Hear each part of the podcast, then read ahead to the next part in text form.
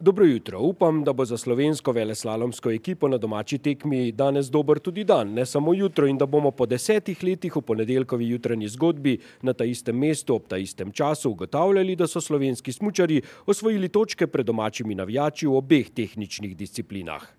Ja, prav ste slišali, deset let. Pisalo se je namreč leto 2007, ko so na vele slalomu Aleš Gorza z 20. mestom, Mitja Valenčič 26. in Bernard Vajdič z 28. skupaj sicer osvojili le 19 točk, ampak kot se je izkazalo, so bile to zadnje domače točke na domači tekmi v disciplini, iz katere vse izhaja, kar za dolgih devet let.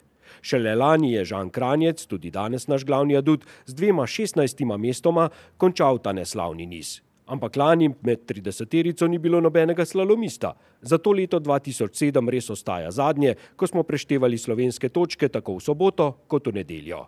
Takrat sta bila na slalomu Mitja Valenčič 17. in Mitja Drakšič 19. V dveh dneh torej skupaj 45 točk, če sem v tem jutru že dežurni matematik.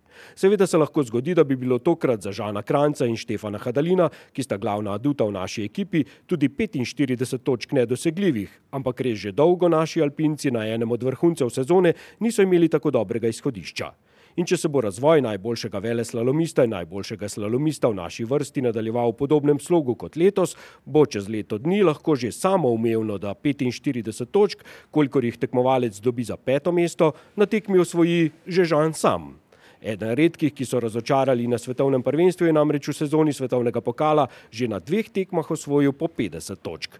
Dvakrat je bil četrti, na ledeniškem uvodu v zimo in v Alta Badiji. Na dveh zelo zahtevnih veleslalomih torej in če vemo, da je domača tekma zelo zahtevna, potem je danes res lahko njegov dan. Nasploh, če se že obadam s točkami, je slovenska moška reprezentanca v 51. sezoni svetovnega pokala že v tem trenutku šest tekem pred koncem zbrala 25 točk več kot lani po zadnji tekmi finala.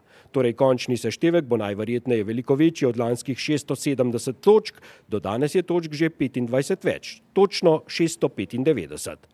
Ob tem, da je najboljši slovenski smučar Boštjan Kline, kljub smukaški zmagi prejšnji petek, doslej 20 točk v minusu v primerjavi z lansko tekmovalno zimo ampak na finalu bo nastopil še dvakrat.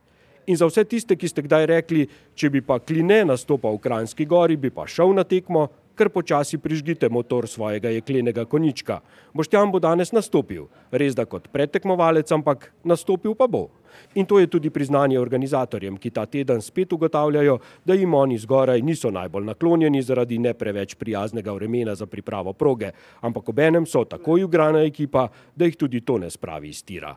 Počasi torej obe domači ekipi, organizatorska in tekmovalna, prihajata druga drugi nasproti in to je zelo, zelo dober znak.